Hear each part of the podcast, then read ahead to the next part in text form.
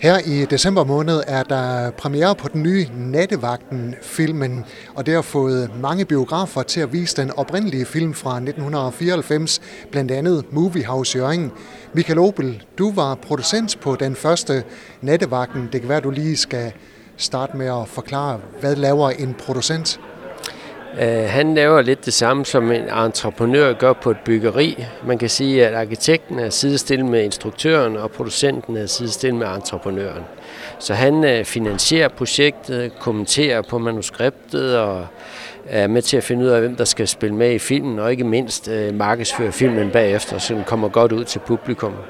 Hvordan fandt dig og Ole Bornedal sammen der for 30 år siden? Jamen, øh, det var fordi, jeg havde arbejdet 10 år hos Nordisk Film, under Balling og så været med til at lave Matador og Jeppe på bjerget og sådan nogle ting. Og så tænkte jeg, nu skal jeg ud i det virkelige liv og prøve at lave noget for mig selv. Og så skrev jeg rundt til nogle instruktører, og nogen vendte tilbage, og det var Ole Borndal en af dem.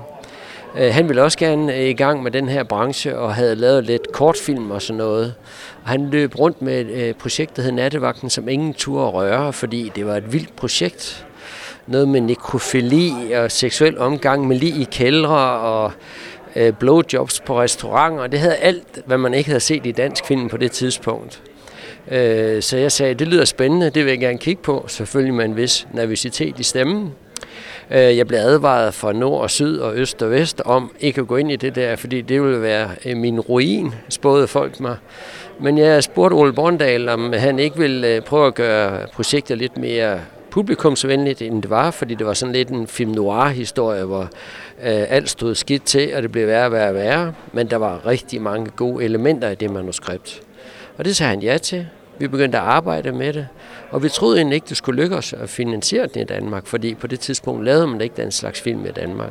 Så vi havde forventet, at vi skulle til udlandet.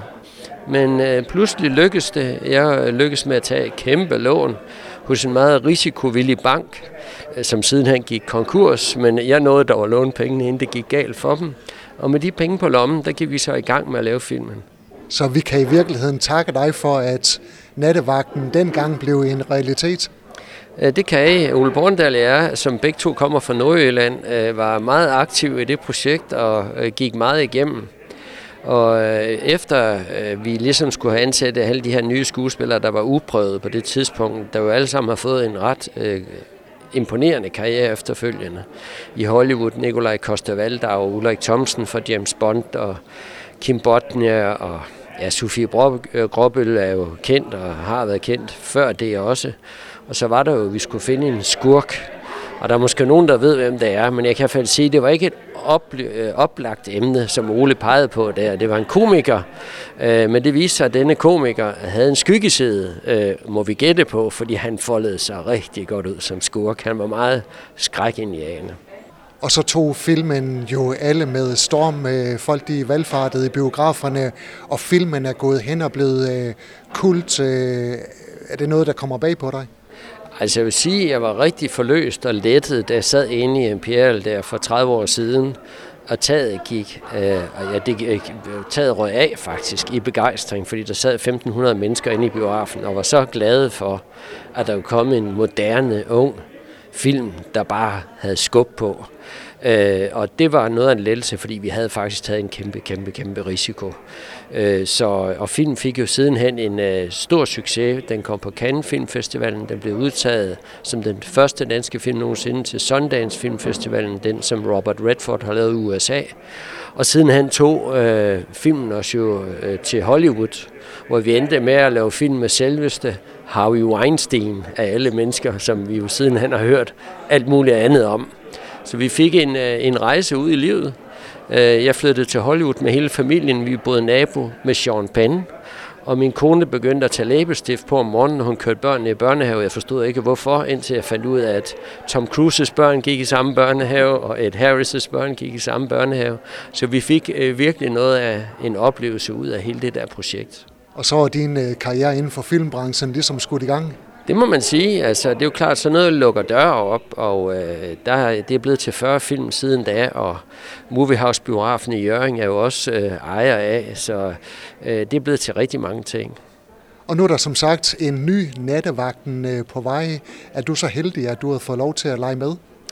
Øh, nej, det er jeg ikke, fordi jeg er meget travlt optaget af at lave de her biografer. Vi har fem biografer nu, vi arbejder med. Så jeg har simpelthen ikke haft tid til det. Og Ole og jeg har også haft et langt, lykkeligt arbejdsliv sammen, som nu går i forskellige retninger. Så Ole har været ude på egen vej og prøvet at lave en fortsættelse, fortsættelse af nattevagten, som jeg har hørt, man skal glæde sig meget til at se. Hvad tænker du om, at man laver en ny nattevagten? Er det ikke sådan lidt at begynde at pille ved kronjuvelerne i den danske filmskat? Nej, det synes jeg ikke. Altså, hvis uh, man sjusker med det, eller ikke gør det godt, så vil det være ærgerligt. Men uh, Ole er jo et professionelt menneske, som gør sig umage for at levere en god film hver gang, og det er jeg sikker på, at det har han også gjort den her gang. Michael Obel, tak for snakken. Selv tak. Du har lyttet til en podcast fra Skager FM. Find flere spændende Skager podcast på skagerfm.dk eller der, hvor du henter dine podcasts.